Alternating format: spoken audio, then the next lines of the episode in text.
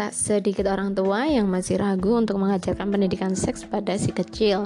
Selain merasa tabu, orang tua terkadang merasa bingung untuk memilih cara yang tepat. Padahal, pendidikan seks seharusnya dikenalkan sejak dini mungkin pada anak. Pendidikan seks perlu diberikan pada anak agar mereka tidak mendapatkan informasi yang keliru mengenai pendidikan seks. Ingat, sudah seharusnya orang tua yang mengajarkan pendidikan seks pada anak, bukannya orang lain sebab masalah ini sangat krusial dan sensitif. Peran orang tua sangat penting agar anak mendapatkan pendidikan seksual yang pas, pendidikan seks yang sesuai takarannya sangat penting untuk menghindari gangguan psikologis sebab anak yang terpapar visualisasi seks berlebihan akan terlalu memusatkan diri pada seks. Nah, kalau kondisi itu terjadi pada umur pubertas, orang tua perlu khawatir.